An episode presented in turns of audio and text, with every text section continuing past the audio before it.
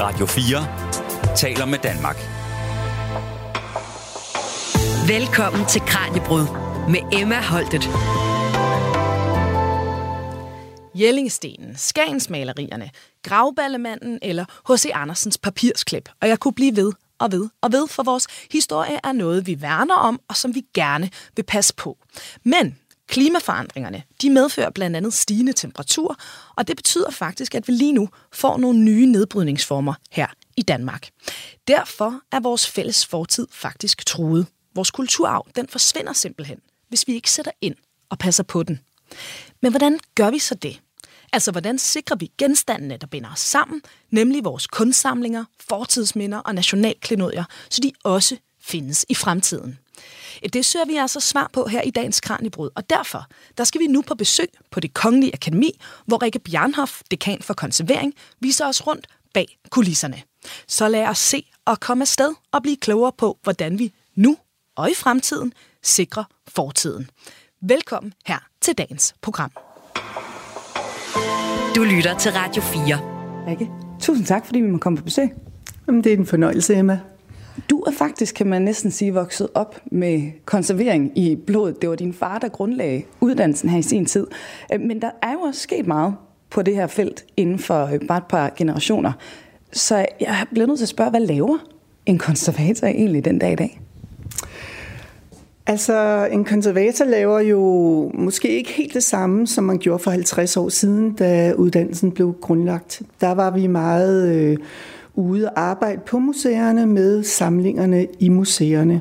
Det gør vi selvfølgelig også i dag, og det er også det, vi stadigvæk uddanner til, men vi har fået en ny rolle, både fordi at uddannelsen er blevet mere akademisk, der er mange flere, der tager kandidatuddannelsen, det vil sige, at man indgår øh, på lige niveau sammen med museumsinspektørerne og alle de andre øh, dygtige folk, som er på museerne omkring rådgivning for at få de bedste udstillinger og bevare genstandene bedst muligt.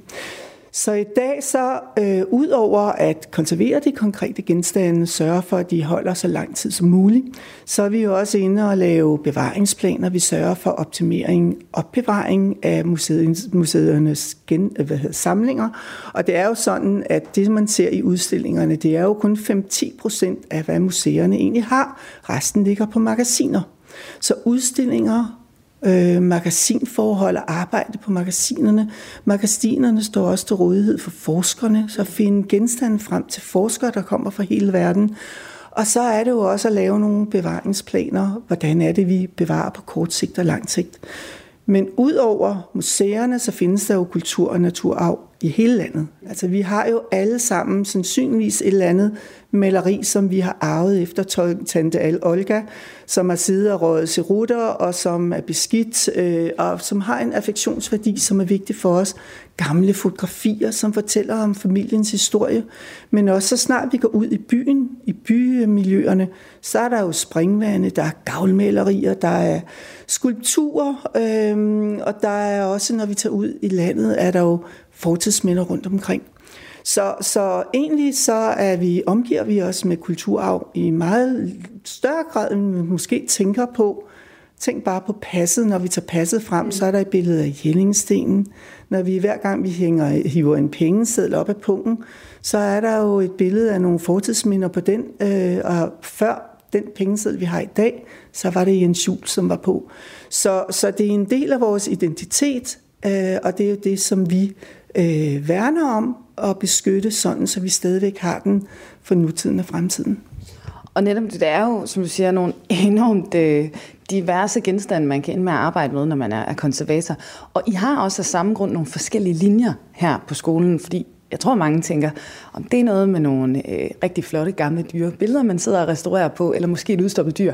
Men hvad er de fire linjer? Hvad, hvad er det egentlig, man kan vælge imellem som studerende her? Vi, de fire programmer, vi har, det øh, retter sig mod kunstmuseerne eller kunstsamlinger. Så det er kunst på malerier på, på lærred, malerier på træ og malerier på væg, kan man sige. Mm. Og så har vi et program, som øh, retter sig mod arkiver øh, og papir. Det er det er grafisk øh, program, som jo øh, tager sig af, af mm, både kunstværker på papir, men også bøger og arkivalier, foto og, medie, og lydbærende medier også. Så har vi et naturhistorisk program, som tager sig af, man kan sige, at, øh, at dyr øh, på museer, øh, udstoppede dyr, men også øh, øh, skeletteringer og, og andre former for den måde, man udstiller dyr, men også planter, øh, herbarier, hvor man klister planter op på, og også fossiler, det med at finde spændende øh, forsteninger i i stenmateriale. Og det sidste program, det er så kulturhistorie, som nok er det bredeste i forhold til øh, materialer, som man skal kende til, fordi det er det kulturhistoriske museums samlinger, som jo er alt fra en øh, Øh, fra en øh, fejrekost til øh, arkeologiske fund. Så det er, det er øh, metaller, det er tekstiler, det er træ, det er øh, altså organiske materialer, man finder, det er skilte, det er, det er virkelig en bred øh, keramik og glas, meget, meget bredt øh, materiale, som man skal varetage der. Og jeg kan jo sige til lytterne, at vi skal på opdagelse imellem de forskellige programmer og nogle af genstandene i løbet af øh, udsendelsen, og også ind på laboratoriet. Så vi skal altså virkelig rundt omkring og se, hvad der bliver lavet her på, på stedet. Inden vi kommer så langt, nu øh, var vi inde på øh, det her i starten med klimaforandringerne, fordi det er jo noget, vi taler om i rigtig mange sammenhænge. Det gør I altså også i den grad her på konservatoruddannelsen. Hvorfor er de en trussel mod vores fortidsminder?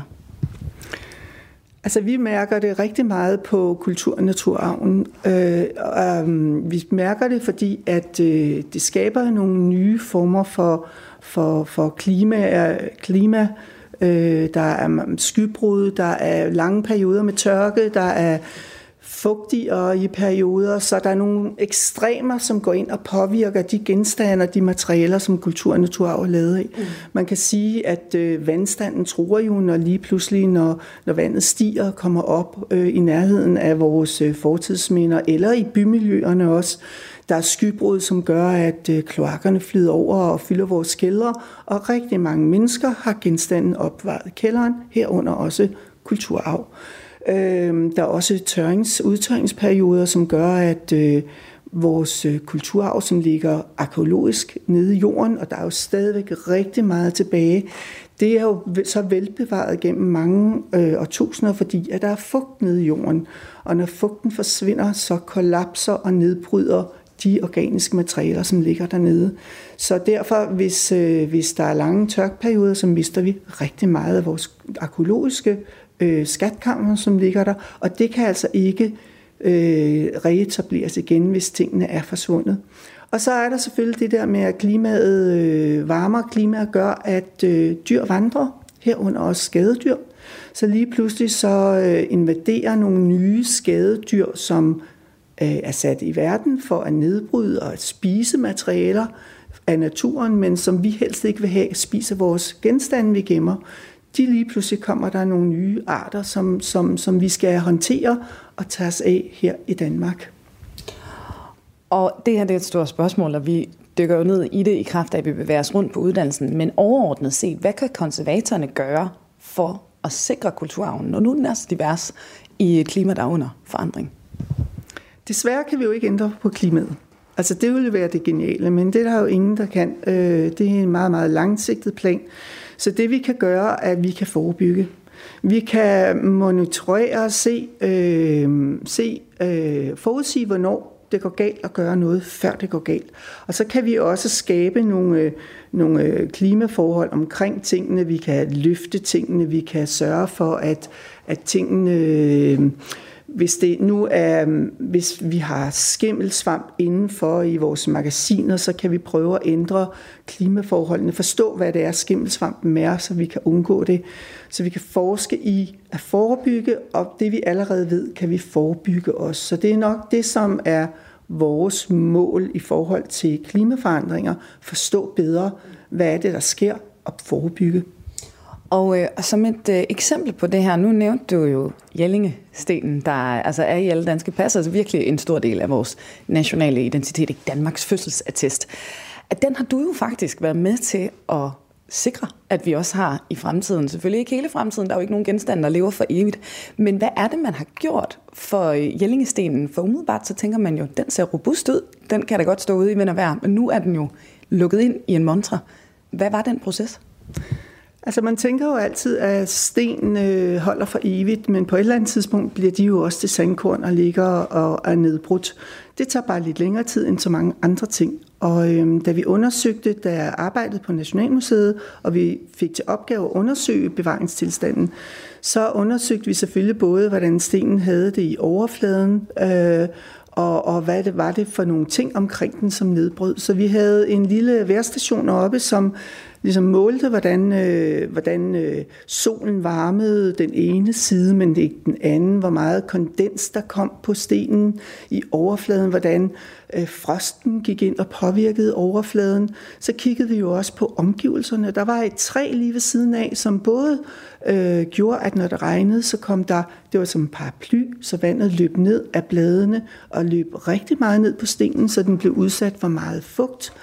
Øhm, og det var også et lindetræ, så der kom også rigtig meget, mange sukkerstoffer ned øh, fra de dyr bladlus, der boede i lindetræet, som skabte øh, med, med, øh, jo gjorde, at der kom rigtig meget begroning på stenen. Så alle de ting øh, observerede vi, og så sagde vi, okay, hvad skal der til? Vi kunne fjerne træet, som jo gjorde en stor del. Man ville jo også kunne flytte stenen, mm. men da hele UNESCO's site, altså det er jo et verdensarv øh, monument, og det er det også i kraft af, at det står på det sted, det altid har stået. Så, så derfor så kunne vi ikke flytte det, fordi så ville det miste sin verdensarvs øh, kriterier for at være verdensarv. Så derfor så besluttede vi, udover at vi flyttede med fjernede træet, at øh, skærme det, fordi at der var rigtig mange mikroravner i hele overfladen, så man kunne se, at det var meget øh, skrøbeligt, og øh, vi var bange for, at skriften, som jo er det vigtige ved den sten, øh, at den faktisk ville kunne falde af med tiden. Så det var simpelthen en forebyggende mod at, øh, mod at beholde og bevare den sten så lang tid som muligt. Det var så rigtig paradoxalt, at øh, da det blev besluttet, og lige før det kom i Montre, så kom der nogen og, og udøvede herværk på den ved at lave graffiti på den. Mm. Og det var rigtig, rigtig svært på grund af den her meget nedbrudte overflade at få fjernet det graffiti igen. Og øh, nu skal vi jo på opdagelse her mm. igennem øh, altså det, alt det forskellige arbejde, der foregår her på stedet. Og vi er jo startet i sådan, jeg tror, det mange forbinder med, med konservatoruddannelsen, nemlig kunsten. Vi står og kigger på to malerier. Rikke, hvad er det, du har fundet frem til os her? Det er nogle rigtig gode eksempler på, hvad de studerende bliver ligesom får lov til at arbejde med her, mens øh, de går på uddannelsen. Og det ene maleri er et maleri øh, fra 47, og det er lavet, øh, jeg ved ikke hvem der har lavet det, men vi står og ser på et maleri, som er ekstremt beskidt. Og det kan man blandt andet se ved der, hvor prydrammen har siddet på, så er himlen stadigvæk lyseblå, men så snart man kommer ind i det område, som har været udsat for luften og for lyset og alle de nedbrydende faktorer, for det er jo relativt fugt, det er temperaturer, og det er lys, det er noget af det, som nedbryder mm. mest. Og så er det selvfølgelig den snavs, som findes i luften, øh, som også har sat sig. Så er himlen lige pludselig ikke blå mere. Nej. Den er faktisk øh, sort nærmest. Ja, det ser sådan uværsagtigt ud næsten. Ja, ja. Så, og det, som, som det her øh, projekt går ud på, er selvfølgelig, at man skal prøve at finde de originale farver frem, mm. som også giver en, en meget mere en tredimensionel fornemmelse af landskabet. Det er en by, vi ser på, det er en havn, der er nogle skibe. Men udover det, så er der også en flænge på en 40 cm diagonalt hen over fladen. Den flænge øh, ved jeg ikke lige, hvordan den opstået. Den kan jo enten være opstået ved, at maleriet er faldet ned, mm. Øh, det kan også være opstået ved, at der er nogen, der har skåret i det, som hvis vi nu snakker herværk. Mm. Så øh, det, som opgaven vil være for den studerende, det vil være at lime den her flænge sammen og trådene sammen igen, så man faktisk ikke kan se, at der har været en flænge. Og altså, når man står og kigger på det her, det, det lyder jo imponerende, at man øh, i det hele taget kan, altså, som du siger, flette de her tråde sammen, rent faktisk sammen det her billede igen. Men også at male noget, der er så teknisk svært. Lærer man alt det på uddannelsen, eller skal de studerende komme med en kunstnerisk færdighed i bagagen? Det lærer man alt sammen på uddannelsen. Jeg vil sige, det kræver jo også træning. Der er jo rigtig mange andre uddannelser. Når man kommer ud, så, er man ikke, øh, så kan man ikke det hele. Så har man metoderne og teknikkerne til at gøre, at man ved, hvad det er, det kræver. Og så, så er det jo træning og erfaring, som man skal indhente til, at man kan det. Men ja, det kan de. Mm. Og hvis du kigger på det, så ligger der også to små pile, papir med pile ja. heroppe på overfladen. Det er jo så der, hvor de har udtaget små prøver af farvelaget, som de så øh, støber ind og kigger på, hvor mange lag farve er der her, hvordan har kunstneren arbejdet. Fordi at meget tit så, øh, så er det vigtigt at vide, hvordan øh, maleriet er opbygget. Og det er jo en naturvidenskabelig uddannelse, hvor vi laver rigtig meget analyser, og på baggrund af analyserne tager vi nogle beslutninger om, hvordan behandlingen skal være. Så vi kommer jo op og ser øh, laboratoriet på et tidspunkt, hvor vi også ser på, hvad er deres dagligdag, også når de går rundt her på uddannelsen. Du lytter til Kranjebrud på Radio 4. Apropos analyser af malerier, så hopper vi lige for en kort bemærkning væk fra vores tur rundt på det Kongelige Akademi og tilbage her til studiet. For vidste du, at Eggersberg, Købke og andre danske guldaldermalere skabte deres billeder på en bund af øl. Nej, Jamen, det er egentlig heller ikke underligt, hvis du ikke gjorde, fordi de fremmeste eksperter i netop de her gamle malerier, de vidste heller ikke før for ganske nyligt. Her gjorde lektor Cecil Krarup Andersen, der er malerikonservator på Det Kongelige Akademi, nemlig en spændende opdagelse. Hun skulle analysere nogle stumper af et gammelt lærred, fordi hun regnede med at finde spor efter noget animalsk lim fra gamle dage. Men der viste sig altså også at være noget helt andet til stede. Hvad det var, det fortæller Cecil Kraup Andersen her til vores reporter Kasper Fris. Jeg tog øh, nogle prøver fra guldaldermalerier, som var øh, skåret ud af kanterne på de her malerier i øh, 1960'erne. Øh, dem tog jeg med til øh, Københavns Universitet, Enrico Capellini, øh, og hans team, og spurgte, om de kunne hjælpe mig med at se, om der var noget lim i de prøver. Øh, og så øh, kom de bag, tilbage til os øh, og sagde, ja, øh, der var lidt lim, men de havde også fundet noget helt andet, som de syntes var rigtig interessant. Og det var altså nogle øh, noget ret, ret substantielt øh, materiale øh, fra ølproduktion, øh, de havde identificeret. Øh, og fordi de arbejder med nogle, nogle ret øh, nogle nye og meget øh, sofistikerede metoder, så kan de øh, også kigge på det, de, vi ikke vidste, vi, ville lede efter. Fordi de tidligere metoder, vi har brugt, der har vi sådan sagt øh, til de forskellige øh, scientists, vi har arbejdet med, så har vi sagt, øh, vi vil gerne have, at du leder efter det og det. Øh, men her der vidste vi jo ikke, hvad vi skulle spørge til, og, og fordi denne her metode øh, kan, kan sådan skyde bredt ud, og, og så kan der komme noget helt overraskende tilbage. Og der kom så det her øh, fra ølproduktionen, og vi skulle prøve pludselig til at forholde os til, hvordan det kunne være, at der var øl eller rester fra ølproduktion i Elgersberg og Købkøbsmalerier. Hvordan kan det være kommet der? Jamen det har det været, fordi øh, der er nogle øh, arbejdsmænd på Kunstakademiet, der har gået og øh, forberedt lærere til kunstnerne. Øh, fordi det vi ser, det er, at det er nede i de lag, som er inden man sådan begynder at male. Altså det lag, som vi kalder grunderingen. Så først så har vi lavet, og så oven på det, der kan man så putte den her lim, hvis den er der, og ellers så kan man sådan spartle det øh, ud med, med det, vi kalder en grundering, for at få en glat og ensartet overflade at male på. Og det er altså det lag, grunderingen, hvor, øh, hvor ølrester blev fundet. Øh, og det er, altså, det er altså nogle, nogle arbejdsmænd på Kunstakademiet, der har øh, fundet på at gøre det af grunden, som vi ikke helt kender har det betydning for dit arbejde med de malerier, at du nu ved, at der er rester af ølproduktion? Det betyder jo, altså fordi jeg, jeg som konservator er nødt til at forholde mig til, hvad er et maleri? Hvad kan vi forvente at finde for nogle materialer? Fordi at jeg skal forholde mig til, hvordan de øh, reagerer på fugt, på temperatur, på alle de forskellige nedbrydningsfaktorer, vi øh, har på museer. Eller på de øh, behandlinger, vi overvejer at, at bruge i forhold til malerierne. Så nu er jeg jo nødt til at finde ud af, hvordan det her nye materiale, øh, hvordan forholder det sig? Altså det kan også være en del af, af den ligning, vi skal skrive op hver gang. Øh, og det, det vidste vi simpelthen ikke. Altså vi, vi vidste godt, at der kunne være æg, og der kunne være olie, og der kunne være lim, og der kunne være forskellige pigmenter og fyldstoffer. Men, men det her, det var sådan en ny og, og ubekendt i vores ligning. Og, og den skal vi så nu til at finde ud af, hvad, hvad betyder det? Øh, er det, er det super godt, eller, eller har det givet nogle problemer, eller hvordan?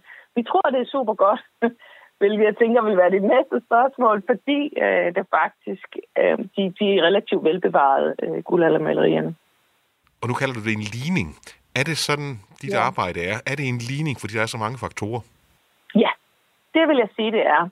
Øh, fordi der er de ydre faktorer, de indre faktorer. Altså, jeg skal kigge på, hvordan maleriet er bygget op, og så skal jeg kigge på, hvad der er rundt om maleriet. Hvor hænger det henne? Hvad for nogle temperaturer bliver det udsat for? Er der øh, luftforurening? Er der vibrationer? Alt det her skal med i mine beslutninger som konservator nu det her restprodukt for ølproduktionen er så kommet mm. på malerierne i en relativt kort periode. Mm. Ja, altså det ved vi jo faktisk ikke, fordi vi har jo ikke kigget efter det her før. Så det kan sagtens være, at det har været mere almindeligt, end vi tror. Uh, vi har bare ikke fundet det før. Uh, fordi, som jeg sagde før, at vi vidste ikke, at vi skulle lede efter det. Så nu hvor vi ved, at vi kan lede efter det, så kan det jo være, at vi finder det meget mere og i meget større øh, omfang og længere periode, end, end vi egentlig troede. Og, og det er jo øh, også derfor, det er blevet en, en nyhed, der sådan har spredt sig øh, ret meget i udlandet også, fordi øh, der må man jo også til at forholde sig til. Skal vi også til at kigge efter lige præcis det her materiale? Du lytter til Radio 4. Fortalte her Cecil Krarup Andersen, malerikonservator på det Kongelige Akademi. Og vi hopper hermed netop tilbage til vores tur på akademiet, hvor dekan for konservering Rikke Bjarnhoff viser os rundt bag kulisserne. Rikke, hvad er det for en afdeling, vi står i nu? Nu er vi kommet over på kulturhistorisk program, og det er der, hvor, øh, hvor det er et meget bredt spektrum af genstande, som de arbejder med her. De studerende, de, øh, det er træ, det er metal, det er keramik og glas, tekstil, og så har jeg sikkert også glemt noget, fordi at der er så mange. men, men det er faktisk den materialegruppe, jo alt det arkeologiske selvfølgelig også. Det er selvfølgelig den, de materialer, som findes ude på de kulturhistoriske museer. Mm. Og mit øje, det går øh, direkte hen til den her flotte kjole, der ligger ved siden af os, men øh, den ser også en lille smule, ja, øh, bedaget ud, hvis jeg må sige det. Der er lidt, øh, der er lidt, der skal repareres på den. Det er der. Det er en silkekjole, som vi har liggende her, og silke har det, er meget sprødt, når det går i stykker, og, og der er rigtig mange ravner i, i den overalt. Det er en meget smuk blomstret beige kjole med nogle broderede blomster på, og så er den stribet i forskellige farver. Mm.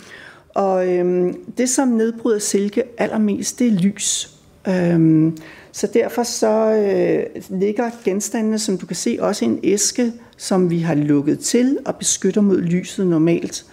Vi har lånt den her genstand ind, øh, og det er sådan, så de studerende jo arbejder med autentiske museumsgenstande, sådan så de ikke er bange for at røre ved tingene, når de kommer ud. Men det gør jo også, at man får en helt anden fornemmelse for nedbrydningen af genstande, når man arbejder med dem. Og øh, vi snakkede jo tidligere om det her med, hvad konservatorerne laver i dag, og vi skal også snakke meget mere om, altså også netop, hvordan det her materialelærer, det altså også kan være øh, en del af et mere bæredygtigt samfund. Ikke? Altså sådan helt overordnet set, hvordan bruger man konservatorernes materielle forståelse i forhold til klimaforandringer og ja, altså, at vi jo i virkeligheden har et samfund, hvor det bliver vigtigere og vigtigere, at tingene de også holder, når de bliver stillet op. Ikke? Altså, det er min drøm, at vi, den viden, vi har, vi har utrolig stor materialekendskab, mm. også viden til, om tingene holder længe eller kort. Og hvis vi snakker om et bæredygtigt samfund, så er det jo sådan, at øh, nogle ting vil vi gerne producere, så det faktisk holder kort, og ikke sviner, når det bliver ned, nedbrudt, og nogle materialer vil vi gerne have, eller nogle genstande mm. vil vi gerne have, producere, så det holder længe.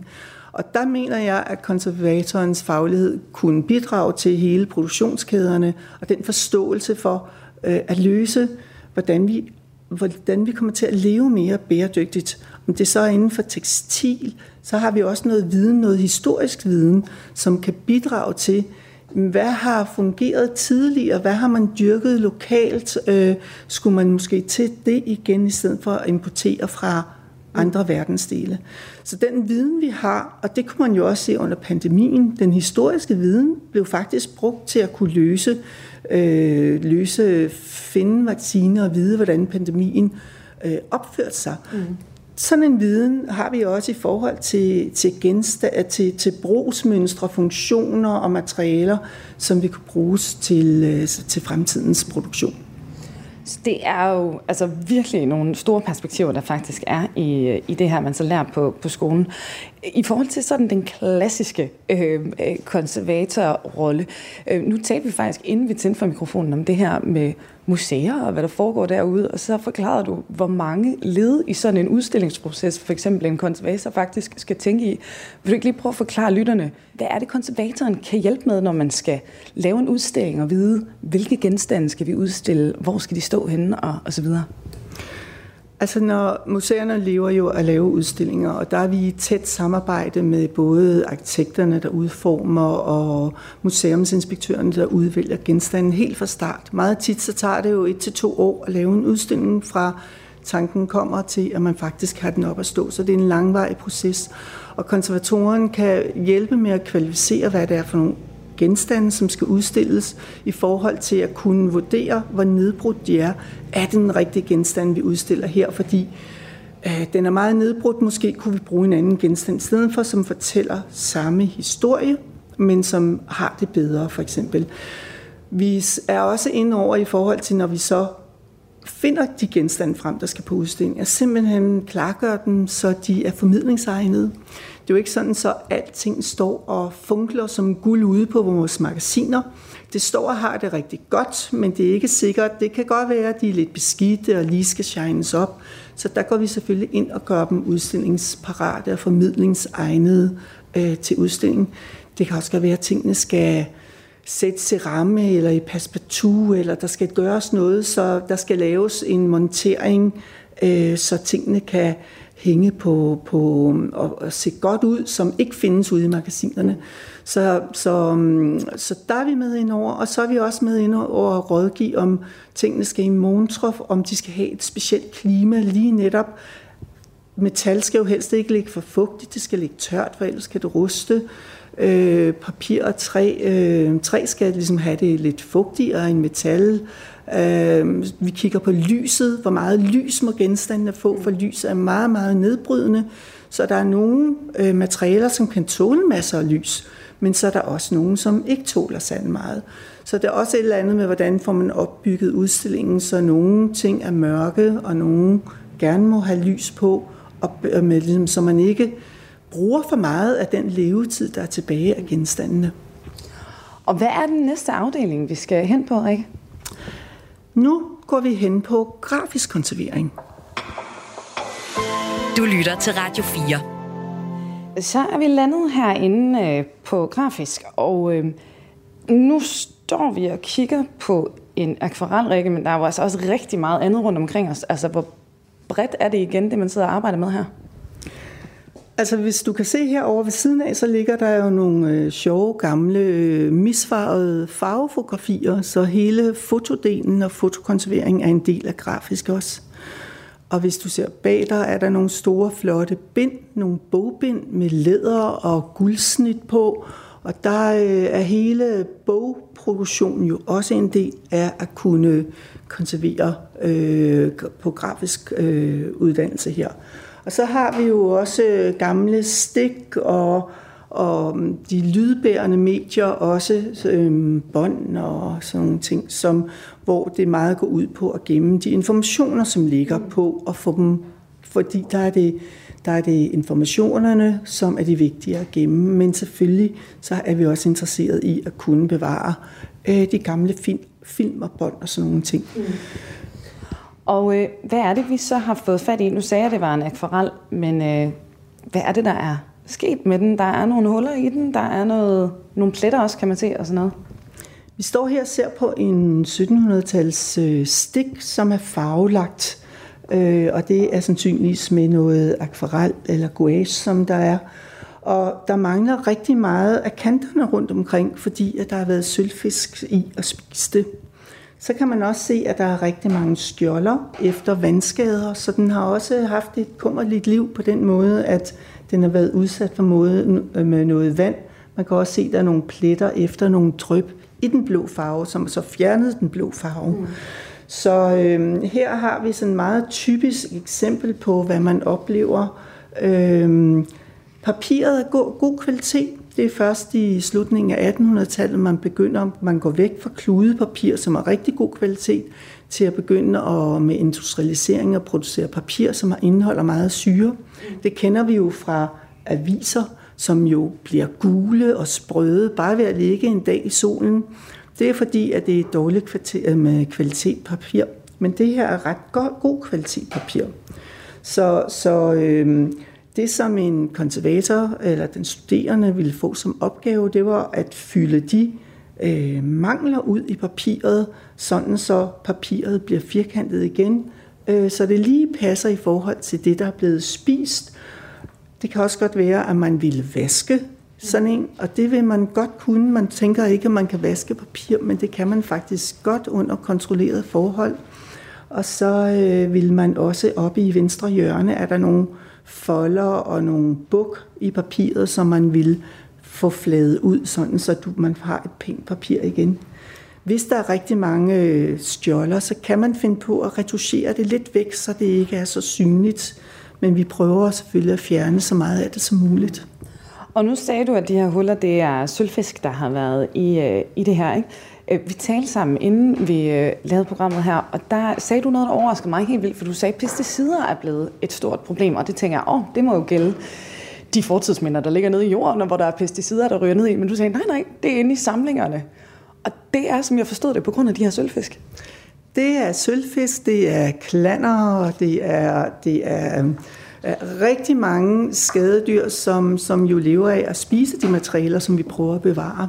Og det er tydeligt, at med klimaforandringerne, så kommer der også nye typer og andre typer, som vi skal forholde os til, som vi ikke lige ved, hvordan man øh, holder nede, fordi at man kan jo ikke fjerne dem helt, men man kan holde dem nede og gerne væk fra vores samlinger. Så øh, ja, pesticider findes faktisk i rigtig mange af vores samlinger, altså ude på magasinerne, Øh, og dem, som har, har fået sådan, er blevet sprayet med lidt DDT og sådan noget, der har samlingerne det faktisk rigtig, rigtig godt. Vi er så blevet klar over, det var jo især i 50'erne og frem, man gjorde det rigtig meget, vi er så blevet klar over, at det er ret sundhedsskadeligt. Så lige pludselig så har vi nogle pænt bevarede samlinger, men de er meget utilgængelige, fordi at øh, det, man skal gå i heldragt for at håndtere de her genstande, fordi vi skal passe på os selv som mennesker, og derfor så ønsker vi jo ikke at udsætte os for de her giftige stoffer. Så hele problematikken omkring pesticider og også med fugten og skimmel i vores magasiner og i vores samlinger er faktisk øh, nok fremtidens udfordring her de næste mange år. Så altså de her genstande, der er jo altså blevet sprøjtet en del med det her DDT og så videre, kan man udstille dem på museer i dag, eller hvad, hvad, hvad gør man med dem nu?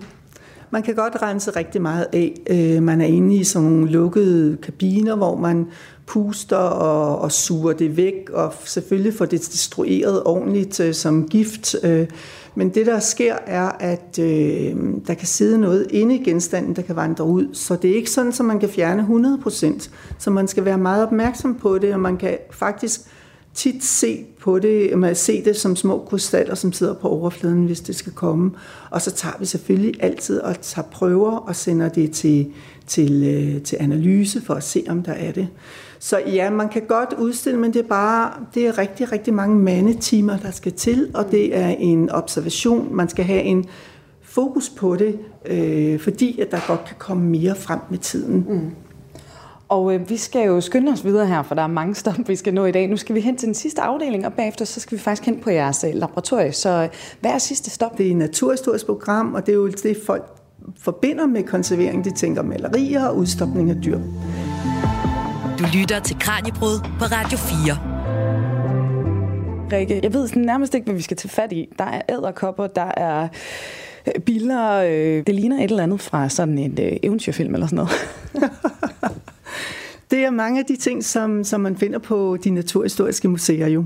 Øh, og der finder man jo både udstoppede dyr, og man finder øh, planter, der er sat op i herbarier. Man finder dyr på knappenåle, som er både sommerfugle og biller og æderkopper og alle mulige andre ting. Men man finder jo også dyr, som ikke er udstoppet, men hvor man ser skeletterne af dem. Og det kender man jo meget fra valskeletter, som er udstillet. Og, og så finder man jo også meget tit øh, genstande, som står i glas, i væsker i glas, eller dele, bløddele fra dyr, der gør det, øh, som man også kender på medicinsk museum for eksempel, hvor det så også er menneske, menneskedele. Så alle de genstande, måder at behandle med konservere genstanden på, og opbevare genstanden til forskningsbrug og forståelse, det er det, som de studerende her lærer at håndtere og få til at livsforlænge. Hvordan bruger man det i forhold til forskning? Netop øh, Naturhistorisk Museum er jo meget aktiv i at forske i deres samlinger. Øh, man kan sige, at øh, de bjørneskeletter, som findes på Naturhistorisk Museum, dem har man indsamlet helt tilbage fra, jeg mener, det er 30'erne, 1930'erne og frem.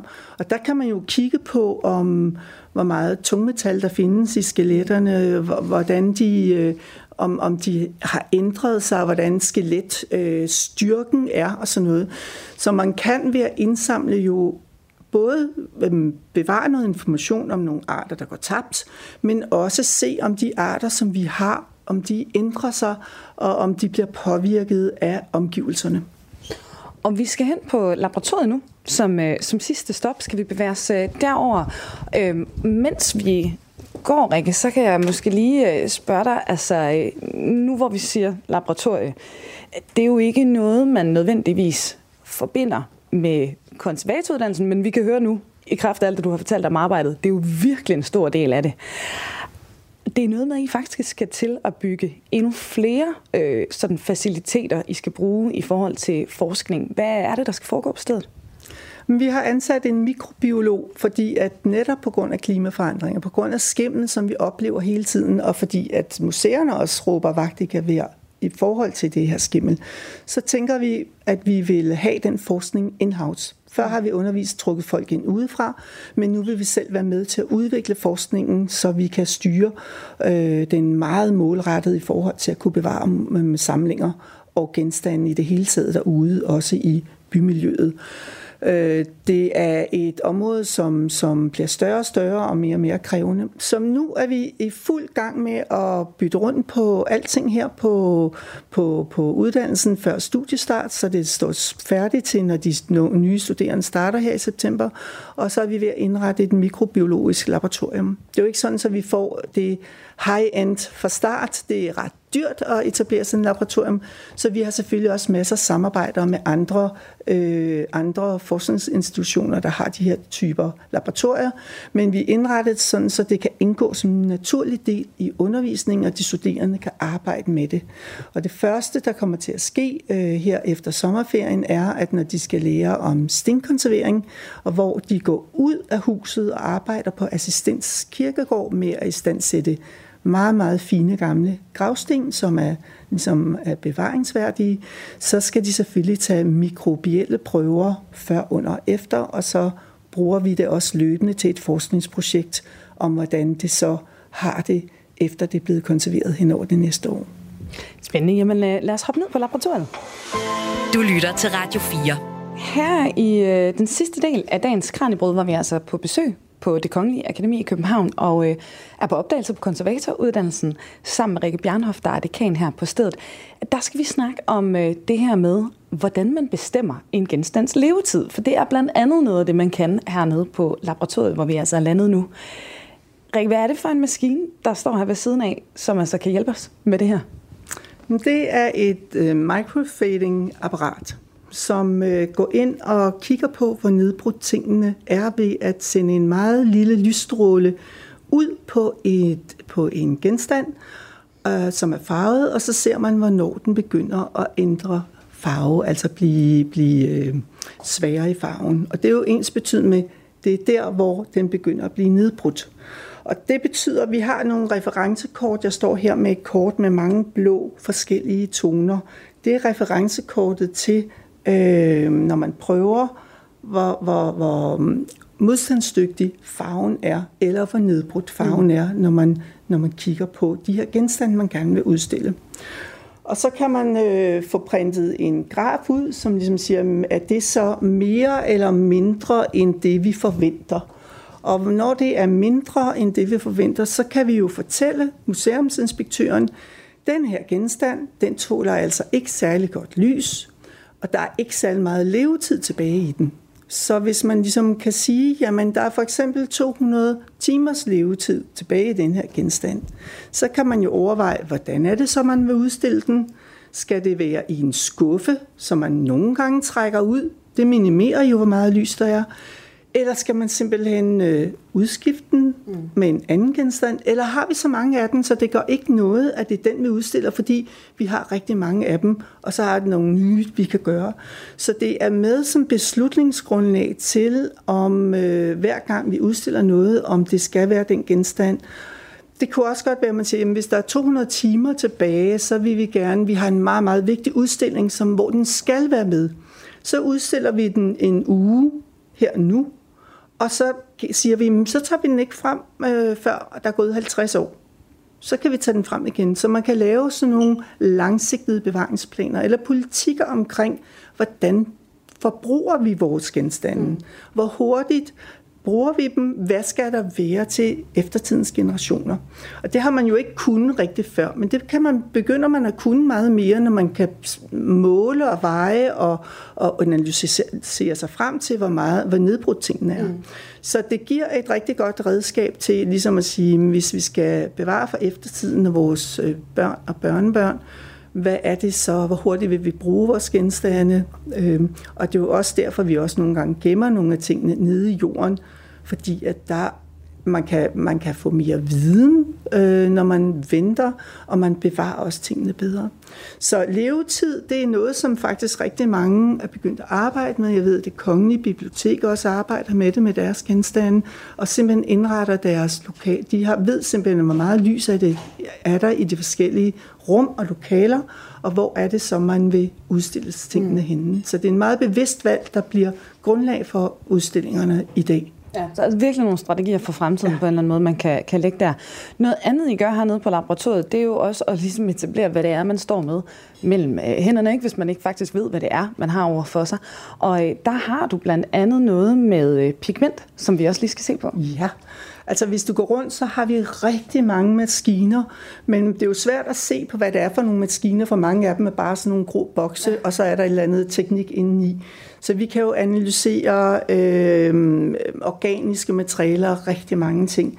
Men en meget simpel ting, som de studerende lærer, det er at prøve at analysere, hvad er det for et pigment, vi står med, hvis man arbejder med farver. Og der er nogle små spot-tests, som står foran os i små plastikflasker, og der kan man bruge dem til at finde ud af, øh, om det er en blå, som er lavet øh, efter 1704, eller om det er en, som er lavet før. Og på den måde kan man tidsbestemme, hvornår er genstanden er fra, eller man kan i hvert fald udelukke, at genstanden er før 1704, hvis det kun er et pigment, som blev opfundet efter, og dermed øh, viser, at genstanden er lavet mm. efter.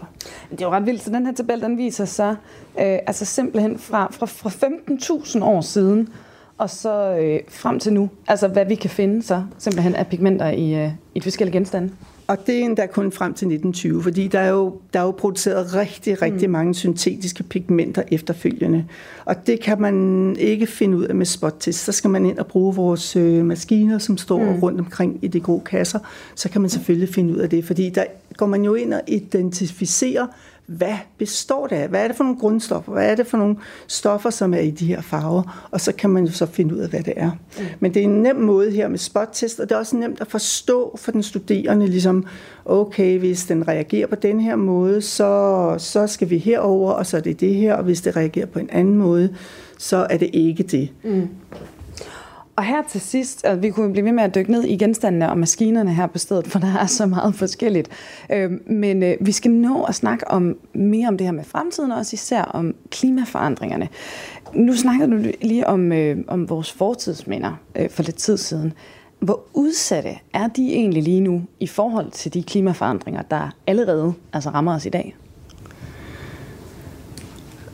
Altså 80 procent af vores genstande er jo i jorden, kan man sige, så det arkeologiske er meget udsat i forhold til øh, at blive udtørret, mm. når der er så ekstreme klimaforhold. Så, så og man kan selvfølgelig ikke få det til at regne, men så kan man lave nogle strategier om, hvornår er det, man piller tingene op så af jorden. Vores fortidsminder er også øh, afhængige af, at der er en, tingene har jo holdt rigtig godt i mange tusind år, som de er. Og vi ved, at når man skubber til de klimaforandringer, så sker der også forandringer i, hvordan tingene har det. Der er birkebak i mange af de gravhøje, vi har, som sådan isolerende, beskyttende lag, som kan blive nedbrudt hurtigt, og så lige pludselig så kan der komme vand inde i gravtidsminderne. De har jo faktisk sådan, de er bygget op med sådan en type regnfrakke fra gammel tid, øh, for at beskytte selve gravkammeret. Så der er rigtig mange ting, som lige pludselig opfører sig på en anden måde med klimaforandringerne. Mm. Så jeg synes jo faktisk, at vi er meget, øh, det, det påvirker rigtig meget mm. klimaforandringerne. Vi kan også gøre meget, hvis vi er opmærksomme på det, men det påvirker. Og det er den opmærksomhed og den viden, som vi skal være meget dygtigere til at forebygge med. Og når vi snakker klimaforandringer, så kan man jo heller ikke lade være med at tænke på Grønland, hvor der jo altså også sker særligt meget i, i de her år. Hvad med deres fortidsminder? Hvor øh, udsat er de? Men det er jo lidt ligesom vores arkeologiske fund. Øh, 80 procent af Grønlands øh, fund, eller øh, kulturhistoriske skat, ligger jo i permafrosten deroppe. Og der har vi gennem mange år hjulpet med at monitorere i et samarbejde, tæt samarbejde mellem Danmark og Grønland, monitorere, hvad sker der her, når isen smelter, hvor hurtigt smelter den, og det er jo især omkring de bopladser, der har været, som man kender til. Øhm, og der øh, kan man jo se, at isen smelter, og så snart at øh, mødingerne og, og alle de organiske lag bliver blotlagt, så smuldrer de og forsvinder på ingen tid. Så den opmærksomhed på, hvor hurtigt det sker, og hvornår er det så, man skal tage tingene op, gør jo, at man kan øh, i hvert fald hjælpe med at fastholde noget information, som ellers ville gå tabt. Mm. Så, så øhm, jo mere der smelter det op, jo mere, øh, jo mere viden og historiske information går der tabt der. Og vi har igennem vores snak her, og også vores øh, opdagelsestur her rundt på, på afdelingerne, jo kommet ind på forskellige ting, der også handler om, hvordan vi opbevarer, når det handler om museerne, og også magasinerne, der, der, der hører til museerne. Øh, vi har snakket om øh, skadedyr, men man kan ikke sprøjte med pesticider længere. Vi har også kommet ind på skimmel, også blandt andet i kraft af de her klimaforandringer. Så hvad med samlingerne og, og genstande ude på museerne? Hvor sikre er de lige nu? Der er lavet en meget stor indsats, må man sige, øh, siden den sidste udredning om, hvordan museerne hed det. Så der er blevet bygget magasiner, magasiner, magasiner, som gør, at vi har kunne flytte vores samlinger over i gode, bedre faciliteter. Men der er stadigvæk problemer med skimmel rundt omkring. Det er jo ikke alle sammen, så jeg tænker, at pesticider og skimmel kommer til at være det helt store de næste mange, mange år. Øhm, og at der stadigvæk er et løbende arbejde for konservatorer at øh, formidle tingene til forskere og til, til os almindelige mennesker, som gerne vil vide noget om, hvem vi er og hvad, hvad, hvad, hvad, hvad, øh, hvad vi kommer af. Mm. Man kan sige, at kultur og naturarv er enormt øh, identitetsskabende. Det, er også, det skaber også meget stor sammenhængskraft. Øh, vi sidder og hænger ud på, på springvandene rundt omkring i byen, når vi har det sjovt, og unge er ude at feste. Vi går på museer som aldrig før faktisk. Der er rigtig mange, der går på museer, og vi gør det jo lige pludselig øh, i generationer og bedsteforældre med børn, og vi tager vores venner med. Så de der samtaler og dialoger, der er omkring, hvad vi ser, er jo også ret vigtige for, hvem vi er, for hele samfundsidentiteten. Så for mig er det utrolig vigtigt, at den her uddannelse, vi nu har, øh, bliver ved med at forny sig og til gode ser, hvad det er for nogle behov, som folk øh, har derude, og også bringer ny viden i spil hele tiden med at hjælpe med de store samfundsproblemer. Og her på falderæbet, Rikke, fordi vi startede med at snakke om uddannelsens etablering, nu snakker vi om dens fremtid. Er der noget, du er særlig spændt på at følge med i hen over de næste år? Altså den her udvikling inden for faget, noget du tænker, det her, det kunne altså blive spændende?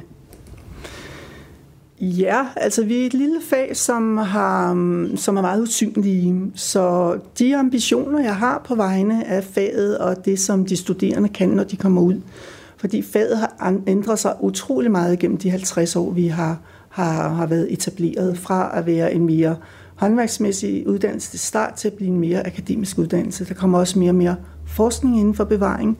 Så mine ambitioner om, at vi faktisk kan bidrage bredere til samfundet end kun arbejde for museerne, øhm, det håber jeg da, at øh, vi selv er dygtige nok til, fordi det er jo også et spørgsmål, om vi selv er dygtige nok til at komme ud og fortælle om verden, hvordan vi kan bruges og hvad vi kan bruges til, men også at omverdenen tager imod os og faktisk bruger os som partnere øh, til at løse de her problemer.